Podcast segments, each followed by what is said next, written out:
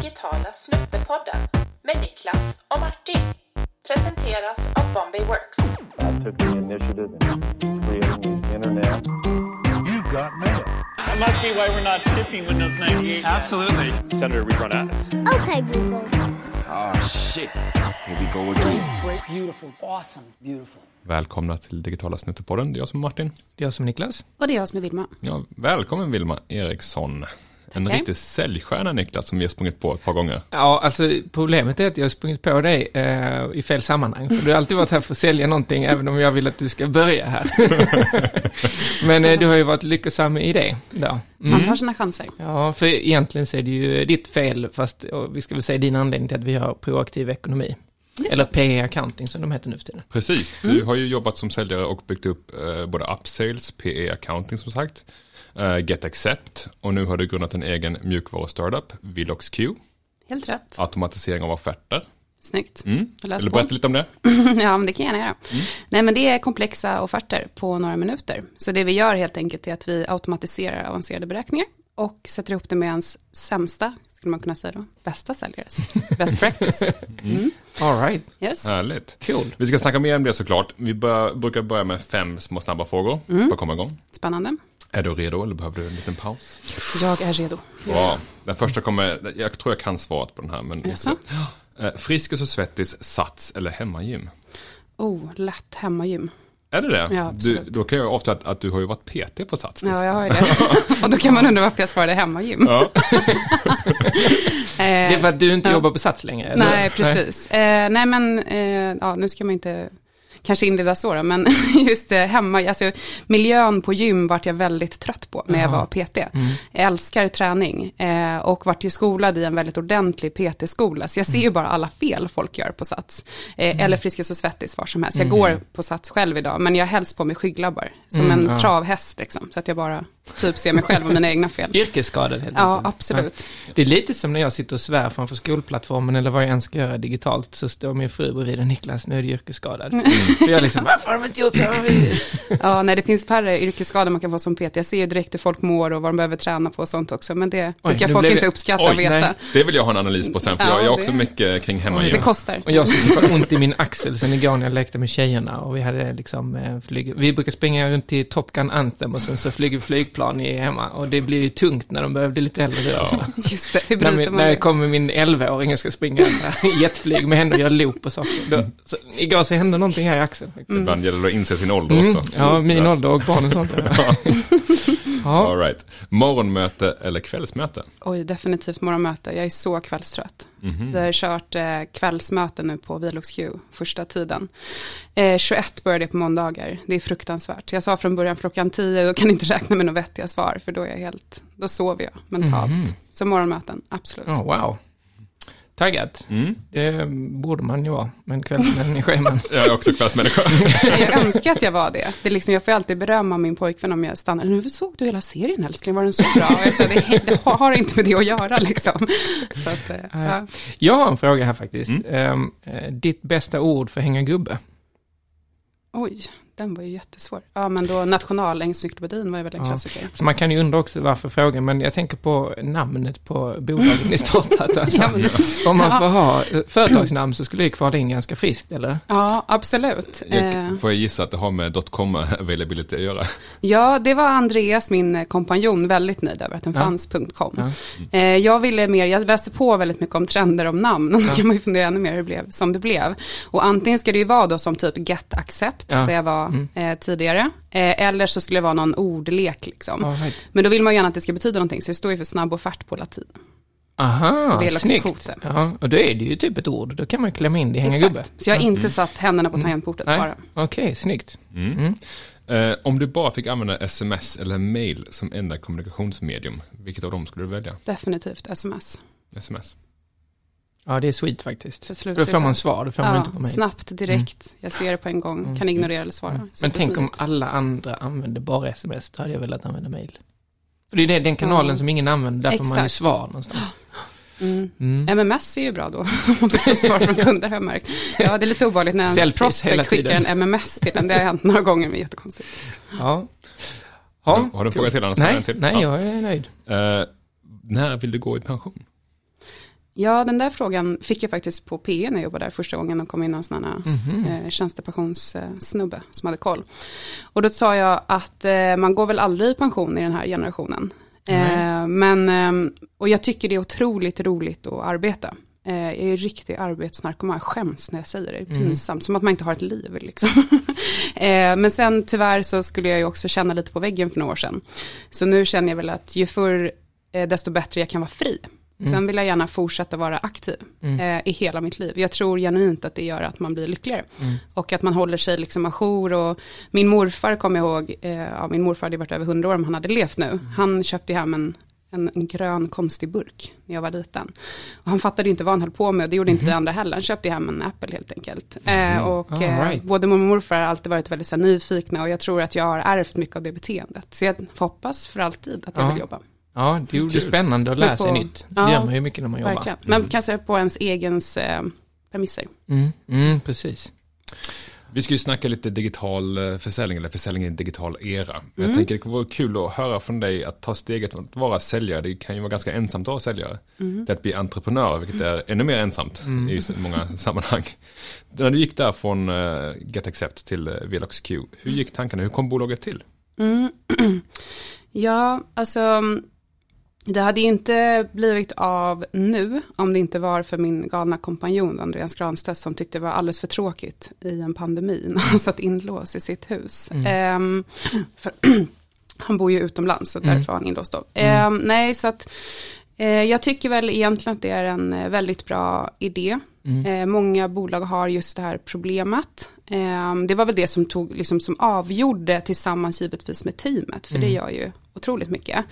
Eh, att vara ensam, jag är ju, har ju ensam barn, jag höll på med liksom en ensam idrott fast att jag älskar folk runt omkring mig, så jag är väldigt van att vara det. Jag har alltid också tagit roller ja, men på PE var jag liksom ensam säljare, Viraya var den första anställda med, och eh, på Get Accept var jag ju partneransvarig. Så när alla andra avdelningar ökade med flera hundra procent personellt, då var min fortfarande ensam. så något, jag gör ju något fel liksom där har jag ju märkt. Nej, så det, det kändes inte, jag har inte ens reflekterat över det. Snarare tvärtom, att nu har jag en gemenskap med mina andra grundare, att vi, vi har någonting ihop. Och hur bolaget kom till, ja det är ju en, en problematik som Andreas har gått och funderat på under väldigt lång tid och även som folk har kommit till mig och liksom, gud det här funkar ju inte liksom. Eh, sen kan man ju fråga sig varför man ger sig in bland en ytterligare säljapp. Eh, när det finns väldigt många olika säljverktyg. Eh, sen finns det ju massa, där kan man ju läsa massa rapporter på att det bara ökar och ökar och ökar. Ju större bolagen är, ju mer appar har man. Men just det här specifika då, CPQ, alltså Configure Pricing and Quote, vad vi gör. Eh, finns ett bolag som heter Takton. Eh, svenskt, funnits i 20 år, verkligen gått i bräschen, lite som HubSpot gjorde för inbound. Eh, men det finns ju inte riktigt här. Nej. Det är väldigt få man känner som har ett CPQ. Jag visste ju själv inte vad det var i juli liksom. Precis, och det Då tar mig jag till en annan fråga jag har där. Eh, Du har gjort det innan på de andra bolagen du har jobbat på, eh, Mm. sälja till säljare. Det låter för mig ganska svårt, för de kan ju alla knepen. Eh, Ett tips min pappa gav mig en gång i tiden var att aldrig syssla med konsultativ försäljning. Det vill säga Mm. att utbilda någon i det de behöver innan man kan sälja det till dem. Mm. Som du säger nu, du, du visste inte om det- här CPQ-området innan. Men eh, du har ju bevisat att det går såklart, för du har gjort det i de andra bolagen du varit i. Eh, många brukar säga att det är lättare att eh, uppfinna en bättre råttfälla än att liksom komma med något helt nytt och shiny. Ja. Men det kanske håller på att ändras, eller? Ja, ja gud, tänk om min pappa hade sagt det där. Det sa han eller det sa han verkligen inte. Jag har inte ens reflekterat över det heller. Det är det som är grejen, jag reflekterar inte så mycket, jag mest kör. Eh, och så länge jag är trygg med att jag levererar värde till Ja. min kund, då kör jag liksom. Och jag vill ofta, det, så det är nästan en strategi, jag läser inte på om folk innan jag träffar dem, Jag- lite grann men inte så mycket. För att det är så mycket rädslor och förväntningar och eh, folks eh, ja, men moral och etik hur man ska vara, det hämmar väldigt mycket. Det är lite som, eh, eh, det är ju liksom ingen utmaning att bli vuxen, men det är en väldigt utmaning att vara barnslig i livet ut. Det är samma sak på det där, liksom att jo, men det är självklart det varit lättare att sälja någonting som folk vet vad det är, för då är det, om man säger bara på relation eller bara på pris. Eh, jag tycker det alltid är roligare när det är komplext. Ju svårare, ju mer triggar det mig, eftersom en av mina starkaste drivkrafter är självförverkligande, så då måste jag ju sätta mig på min spets. Eh, och jag kan inte bara lata runt. Jag måste liksom ta i från tårna och det sätter jag någon pres- tönt till prestige i och tycker är roligt. Men en dag så tänker jag nog att, så här, gud, kan vi bara sälja något som är lite. enkelt eller göra något. Eh, jag brukar ofta lämna en roll när den är liksom klar, när det finns en standard. Precis så blev det på Get Accept också, så vi får väl se. För, för det är ju, precis som du säger, sälja Mm. något är ju att förmedla ett värde. Alltså man kan ju för sig kränga någonting som ingen vill ha, men det blir inte långsiktigt. Då man en krängare och ingen Eller säljare. hur, precis. Och sen finns det ju en viss aversion mot sälj, har jag upplevt. Eh, För att det är ju någonting som jag jobbar med dagligen, sälj. Och försökt få, folk att förstå här också på bolaget att det gör man varje dag även i sina leveranser. Alltså att man säljer in vårt värde som vi har levererat under, under de projekt eller åtaganden vi har och sådär. Va- varför är det så? Varför finns det en viss aversion mot sälj? Är det någon föråldrad bild man har där? Du har också varit Ja, vad säljare? Martin. Vad och säger så. Vad säger du om det? När du körde ditt eget bolag och så. När jag körde mitt eget bolag, det var ju konsultativ försäljning, Ja. så jag lyssnade inte på min pappas råd. Jag hade behövt Vilma alla dagar i veckan där, för att jag är ingen Vilma. jag, eh, jag gick lite bet på det, att både utbilda folk i vad de skulle ha och Ja. eh, få dem att köpa detsamma. Sen tror jag också att det här, vi var ganska tidigt ute, det här var 2010, 2011. Jag tror som Vilma säger att bolagen har mycket fler appar idag. Ja. De har mycket fler mjuk, de är Vana vid att ha mjukvarustöd. ja. Mm. För, för sälj handlar ju bara om att hjälpa. Om man landar i det så vill ju alla människor ofta hjälpa. Ja, eh, så tycker jag ju också, om jag får dra en liten utsvängning, så en tidigare chef på ett bolag hade hit liksom, eh, potentiella investerare från USA och jätteduktiga företagsmän i det här fallet var det. Och så frågade han då, men vad jobbar du här? Men nej, men jag är säljare. Så vet jag, han är inte säljare, han är ju superframgångsrik mega-entreprenör. Nej, men jag är säljare. Nej, men det är för att jag tycker att alla säljer. Lärare säljer sin kunskap, Exakt. busschauffören säljer en trevlig resa, alltså alla säljer ju. Och jag tycker verkligen att det är så, förutsatt att jag i ryggraden känner och genuint tror att det jag gör är bättre. Ja. Eh, men jag tror att våran, alltså det finns ju en ingenjörskultur som är otroligt stark i Sverige, som är fantastisk med tanke på alla innovationer vi har, att vi, herregud, allt från musik till hockey till liksom, Skiftnycklar eller vad Ja, det är. Mm. till vad det nu är så är vi liksom ett, ett toppland, vilket är fantastiskt. Men jag tror i det då och att vi har haft utbildning som har varit gratis under väldigt lång tid. Mm. Det är ju konstigt om man inte nyttjar det. Eh, och jag upplever ofta att om du inte är hö- högskoleutbildad, om du inte är ingenjör eller om du inte har personalansvar, då har du liksom inte lyckats. Och i det här så har vi ingen servicekultur heller, utan man, jag brukar tänka att om, om, när man växer upp då, om man gör ett halvår i lumpen eller jobbar hårt med kroppen och gör ett halvår i USA och lär sig service och retorik och allt det här. Tänk vad mycket bättre vårt ingenjörsland då skulle vara då. Arbetsmoral, skit under fingrarna, naglarna och sen på det då en service minded. Så jag tror inte att vi har inte det kulturen eftersom janten ligger och typ jag ska inte säga trycker ner Ja, oss med ja. en kompis som är från Iran. Jag frågade hur kan ni vara så otroligt ambitiösa? Hon bara, för vi har ju precis tvärtom jante. Ja, det är det. liksom fint att Fint det går att det bra. går bra. Mm. Och det är inte riktigt här. Eh, och, eh, så det, det är en svår balansgång där liksom. Eh, och vad sälj då? Liksom, hur kommer det här Mm. Ja, men, in i det här? för, för sälj handlar om man är lycka, eh, eh, lyckad, om man är duktig på att sälja, då... Är man lycklig? Då- ja, ja, om man lyckas sälja in sig till sin framtida fru kanske och sådana saker. exakt. Men, men om, man är, om man är duktig på sälj så leder ju det någonstans Mm. till en ekonomisk framgång ofta. För att man, eh, man får liksom mer omsättning och så vidare. Och det är kanske Mm. som du säger att det inte ses lika fint som att sitta och kreera och skapa någonting innovativt. Jag tyckte det var en det klockren analys så? faktiskt. Ja. Jag tror det finns... Fan, äntligen satt den, jobbat Ja. bara hela livet. Ja. Ja, nej, men det är sant. Jag tror inget annat land i världen har så pass många nystartade bolag som tror misslyckas på grund av att det inte går att sälja. Nej, just det. De har fantastiska produkter. Ja. En fantastisk tjänst. Men det är bara, det är bara ruttnar. Ja. Men jag har precis varit med i ett eh, scale-up-program eh, och då pratade vi ju väldigt så här, öppet om eh, Energy Scale-up Hub heter det från ABB eh, och vi var tror jag åtta bolag som var med. Och nu är vi startup så det var lite för tidigt för oss egentligen. Men det gav ändå väldigt mycket. Och man kommer tillbaka till hela tiden, ja, men så här, pitchen, hur ni säljer, pitchen hur ni säljer. Så här, ja det är bra att dra in pengar liksom, annars så finns det ju inga bolag. Nej. Så där tänker jag att om vi liksom säljare då kan eh, kanske vara lite skönare, eh, lite mer släppa liksom garden och där tror jag att det händer väldigt mycket på säljprofiler, kan vi komma tillbaka till. Mm. Och ingenjörerna, om man får säga så, mer så här, vi behöver varann. Tänk om vi bara kan se det. Ja, att Mm. Kan, vi, tänk om vi kan påvisa värdet Ja. tillsammans. ja, då blir det ju fantastiskt liksom. Alltså när vi startade Bombay Works för länge, länge sedan då, så hade vi ett kontor i Lund och eh, då delade vi där med några utvecklare som satt och byggde grejer.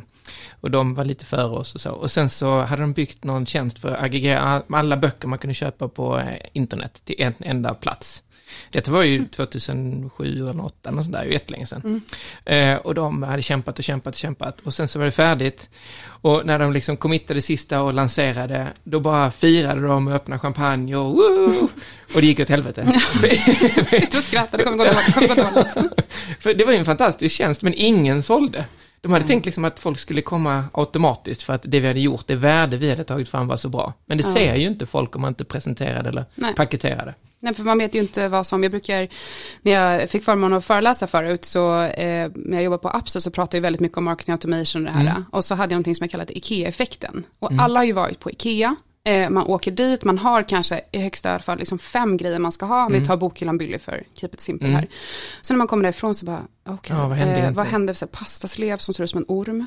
Hur fan hamnade den här liksom? Alltså så här, den skapar ju behov, Ja, och det är precis det det handlar om. Och det är här jag tänker om man, man behöver kanske inte höja statusen på ställen, för vi, många av oss tycker redan att vi är rockstars liksom. Mm. Men helt ärligt, de starkaste rockstars jag har träffat, det är ju utvecklarna. Mm. De är ju superslatans, det går ju knappt att liksom, och de drivs inte av pengar, man vet inte så här hur, liksom, hur fungerar de liksom. Eh, det är här vi måste kasta om, och här tror jag, tillbaka till din fråga nu, världens längsta utläggning, eh, en profil på säljare idag kan se väldigt olika ut än för bara fem år sedan. Jag som man hör är ju en typisk hunter och en humla i mindset, liksom. det går säkert jättebra här. Men på Get Accept och det jag var, där hade vi upp, ja, jag tror att vi hade ungefär 60 säljare. Eh, Det är alla olika personligheter. Alltså allt ifrån artister, konstnärer till om man tänker typiska farmers och det var blandat på alla roller. För idag så är säljet ett annat liksom. När man har ett, en mycket mer påläst kund och eh, högre, alltså konkurrensen är ju idag global. Typ oavsett vad Ja, man precis. säljer. Eller marknaden kan vara global. Och det tyckte jag var jättehäftigt att se. Och där tror jag kommer bli ett stort trendskifte. Men och ett skifte kring sälj känns ju som att det hänger ihop med eh, digitalisering. Kan man tro det eller, eller är det bara som man tycker för att man Nej, jobbar med definitivt. digitalisering? Nej, men jag, Och, vad- och vad leder det till i så fall då för krav på säljare? Det pratas ju mycket om eh, social selling nu till exempel, Precis. som vi eh, Ja. kör en del här på Bombay Works. Och, eh, det pratas om account-based marketing och gud vet vad, som inte längre handlar bara om att gå och så att säga knacka dörr och ringa telefonsamtal. Ja. Jag, läste faktiskt en, en intressant eh, rapport om McKinsey där som säger att uh, influxen eller användandet av digitala tjänster i sin säljorganisation, om man nu blir mer digital som säljorganisation, så eh, får man faktiskt fem gånger mer tillväxt än de som inte använder digitala tjänster i sin uh, säljorganisation. Ehm, och det är jättebra. Ja, det låter ju sweet. Ja, men de tittar också på vad vill kunden ha då? Mm. Jo, de vill ha digitala interaktioner och digitala tjänster såklart, men också med den liksom, personliga touchen. De vill inte tappa den här personliga relationen. Och lite ironiskt då när man frågade vad är det ni är mest irriterade över? Alltså konsumenterna mest, eller kunderna mest irriterade över? För mycket kontakt. Så det känns som att profilen på en här säljare och peta. Nej, vi vill ha så. lite lugn och ro och bestämma oss. de vill ha liksom digitala touchpoints på vissa saker, men personlig kontakt på andra. Och då är frågan, i vilken del av säljcykeln vill man ha vilket?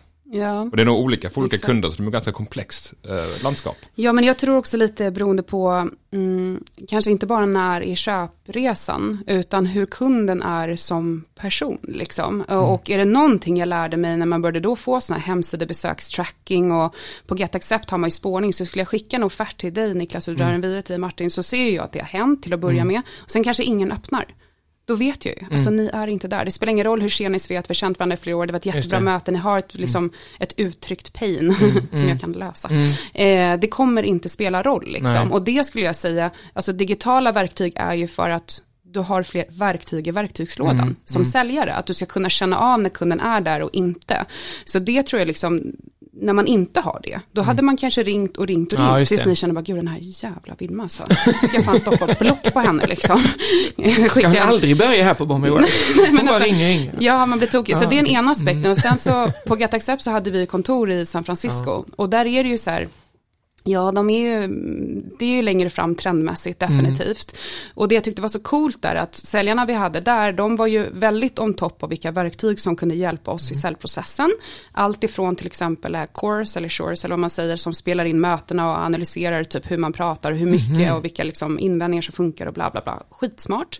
Eh, men också kombinera det med den här personliga touchen.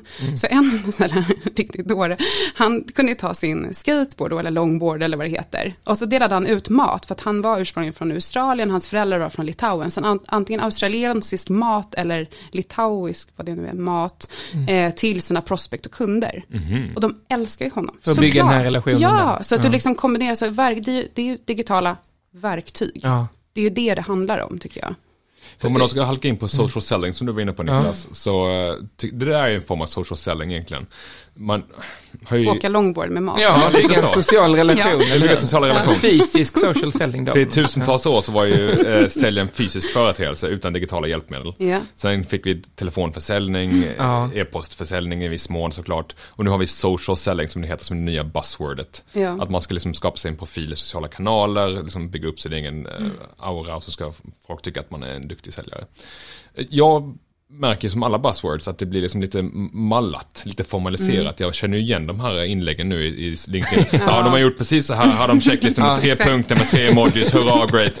Och jag Och ignorera sen dem. kommentera gärna med din, och man bara, Ja, tror att din insåg lite vad jag så. gjorde nu. Och, och jag, liksom, jag, börjar, jag börjar ignorera dem precis som man ignorerar liksom reklambudskap. Ja. Och det här med social selling, liksom, folk letar ju genvägen. Åh, Ja. bara jag följer den här mallen, då gör jag Ja. social selling. Men det handlar ju mer om killen på longboarden.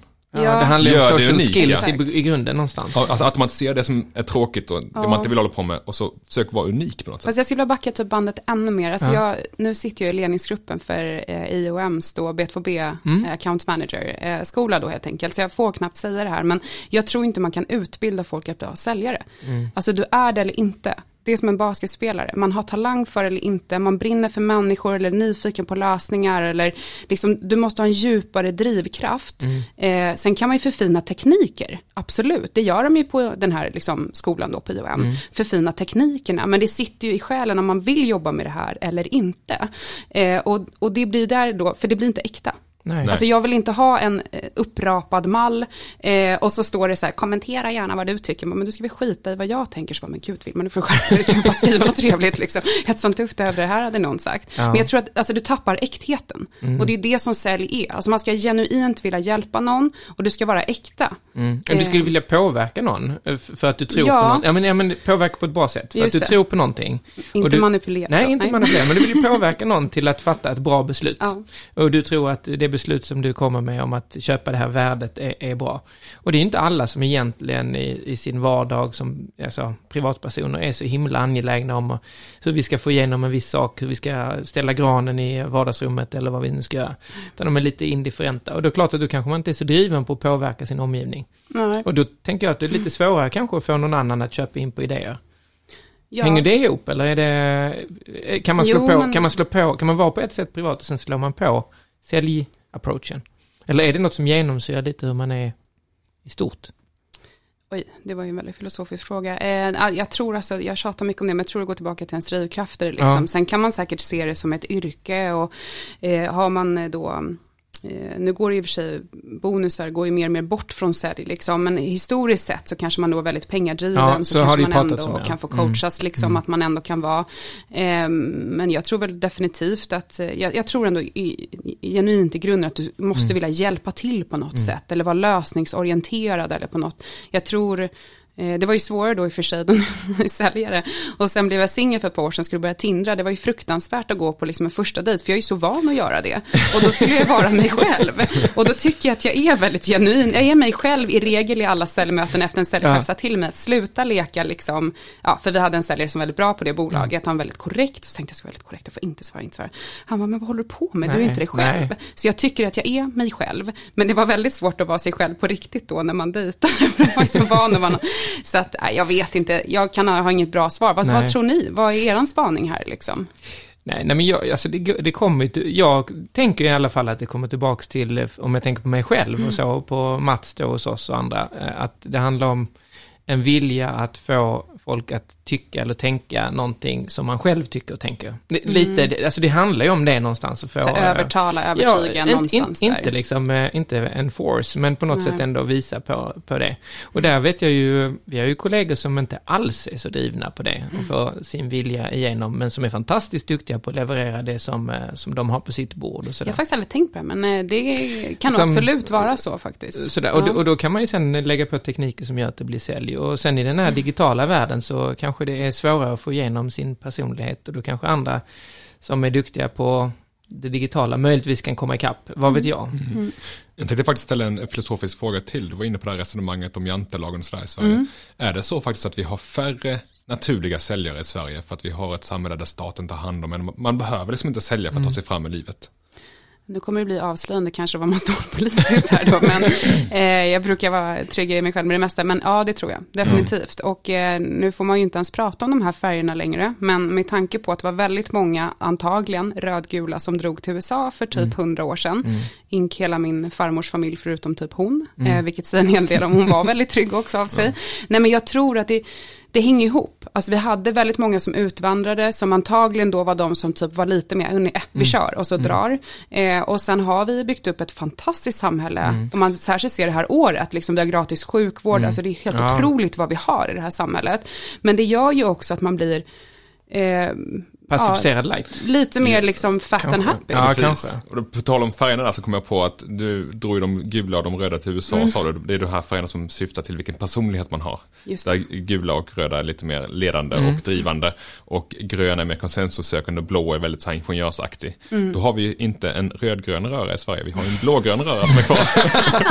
Ja. Det, det är svårare för Carl Bildt att säga det på ett snyggt sätt. Exakt, vi har ingenjörer och konsensusskapare som sitter och styr landet. Nej, men jag träffade en, en person som hade eh, flytt hit, eh, träffades i Almedalen. Och han liksom, det var så intressant att höra hur han beskrev hur han upplevde Sverige. Hur viktigt det var till exempel att eh, eh, skämta på rätt grejer. Alltså ni vet så här, de här kulturella sakerna. Eh, och när jag var 15 så flyttade jag hemifrån och hamnade i Göteborg ett tag. Eh, om jag då inte sa liksom, men jag heter Vilma och jag är liksom fett oskön på min breda stockholmska då, då släpptes jag inte in i gänget, så vi skrattade mycket om det där, liksom, att eh, det kulturella, och, och då sa han det, att han bara, jag tycker det är så sjukt, allt ni har gratis i ert samhälle, att det inte blir mer, liksom, ja man pratar ju ofta om att man måste vara ångestdriven för att bli framgångsrik, för att du har det redan väldigt bra.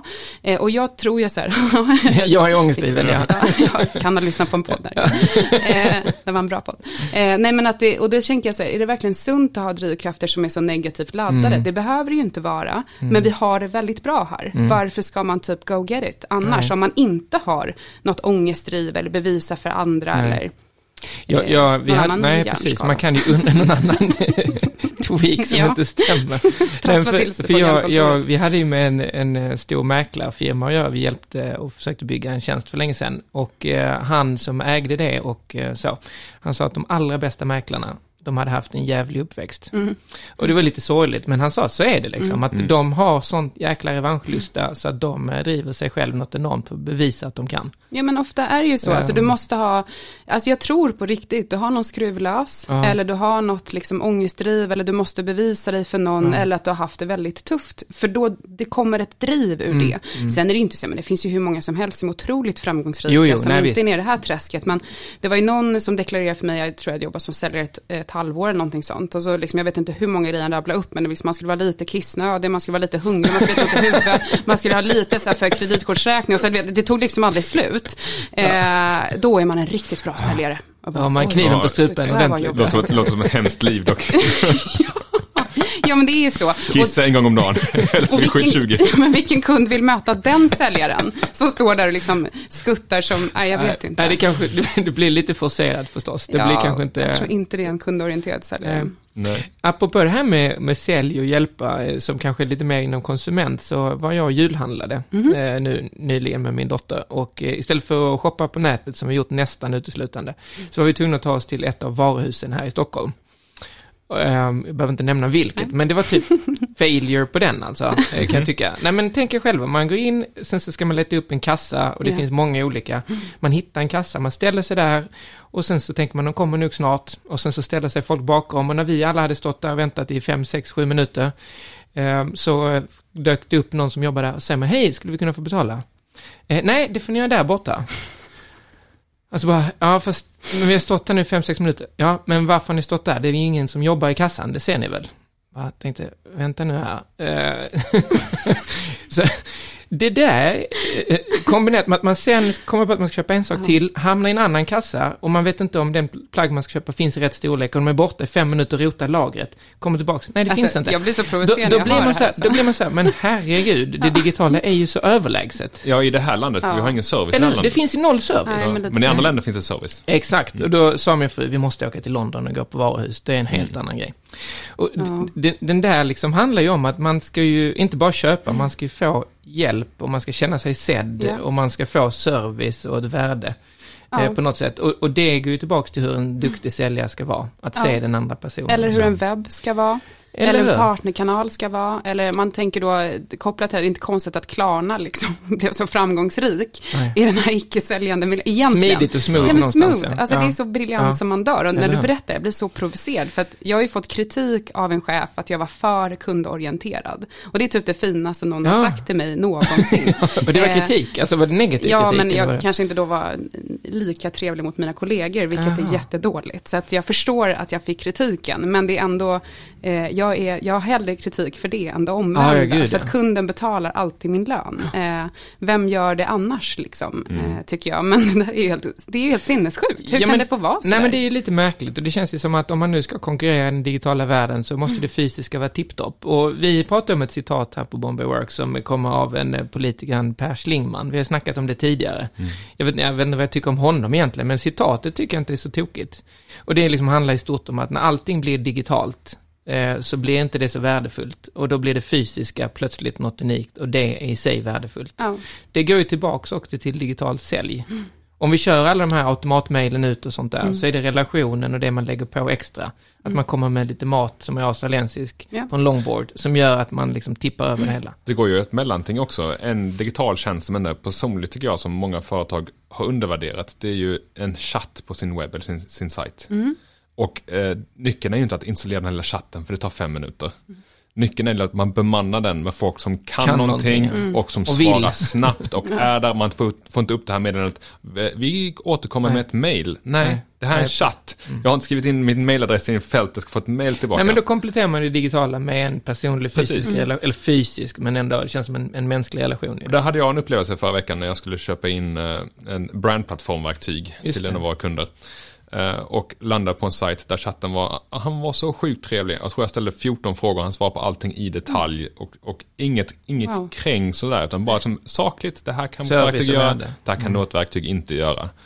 Eh, Och jag kände bara att, ja men det här är toppen, det här kommer jag köpa. Ja. Jag tittade inte ens, jag pratade inte ens med det andra företaget som Nej, men- skulle utvärdera mot. Det var Det är såld det direkt. som blir grejen, för att om man då, då använder de digitala verktygen för att bli mer effektiva i sina processer. Många pratar nu om så här, kommer det gå tillbaka när, när allt är normalt, om det blir normalt, kommer Mm. vi liksom sitta på kontor, hur kommer det gå till? Eh, och tillbaka till det här San Francisco-livet, liksom så här, nej, de hade ju inte tid i Silicon Valley att gå till varandra, fast det tog fem minuter, utan då hade de Zoom-möten med varandra, Mm. vilket jag känner så här, gud, det känns ju helt sjukt liksom. Jag kan förstå om man inte reser över hela världen, Mm. men ibland vill man ju ses. Jo, men om du, om du tänker till så, okej, men hur kan vi maximera våran tid? Mm. Och utan att folk liksom mår dåligt av det, varken kunderna får sämre service eller medarbetarna. Då kan man ju nyttja de digitala verktygen till att bli super liksom, relevant och effektiv i allt Träff- man gör. träffsäker och effektiv, ja. Ja, Exakt, det. både till de som inte vill ha och så vidare. Och sen lägger du på då en mänsklig interaktion på det, jag tycker jag är ett klockrent Mm. case, för du köper ju av den som verkligen så här, Nej men oj, ja det var ju verkligen så här jag ville, och jag Mm. hade inte ens tänkt på det, och gud vad bra det blev. Och då får man ett enormt högt förtroende, Mm. och det är ju det det handlar om någonstans. Så att, ehm, ja. Och nu när ni är ute och du ska börja sälja Velox Q nu till Mm. eh, massa bolag och säljare där ute. Hur tänker ni? Vad är er strategi? Funkar de gamla knepen fortfarande för mjukvaruförsäljning? Är det fortfarande event, email capture, white paper, demo, avslut? Eller har ni något nytt som... eh, Har ni något tricks Fresh. ni kan avslöja? något tricks. Ja, det hoppas jag väl att vi har. Det vet jag väl inte riktigt ännu. Vi får väl se hur, hur snabbt och om hur bra det flyger. Men eh, event, eh, ja, det går väl sådär just nu att folk inte får träffas. Men apropå det vi pratade om tidigare, att man kan göra liksom ett inboundflöde IRL.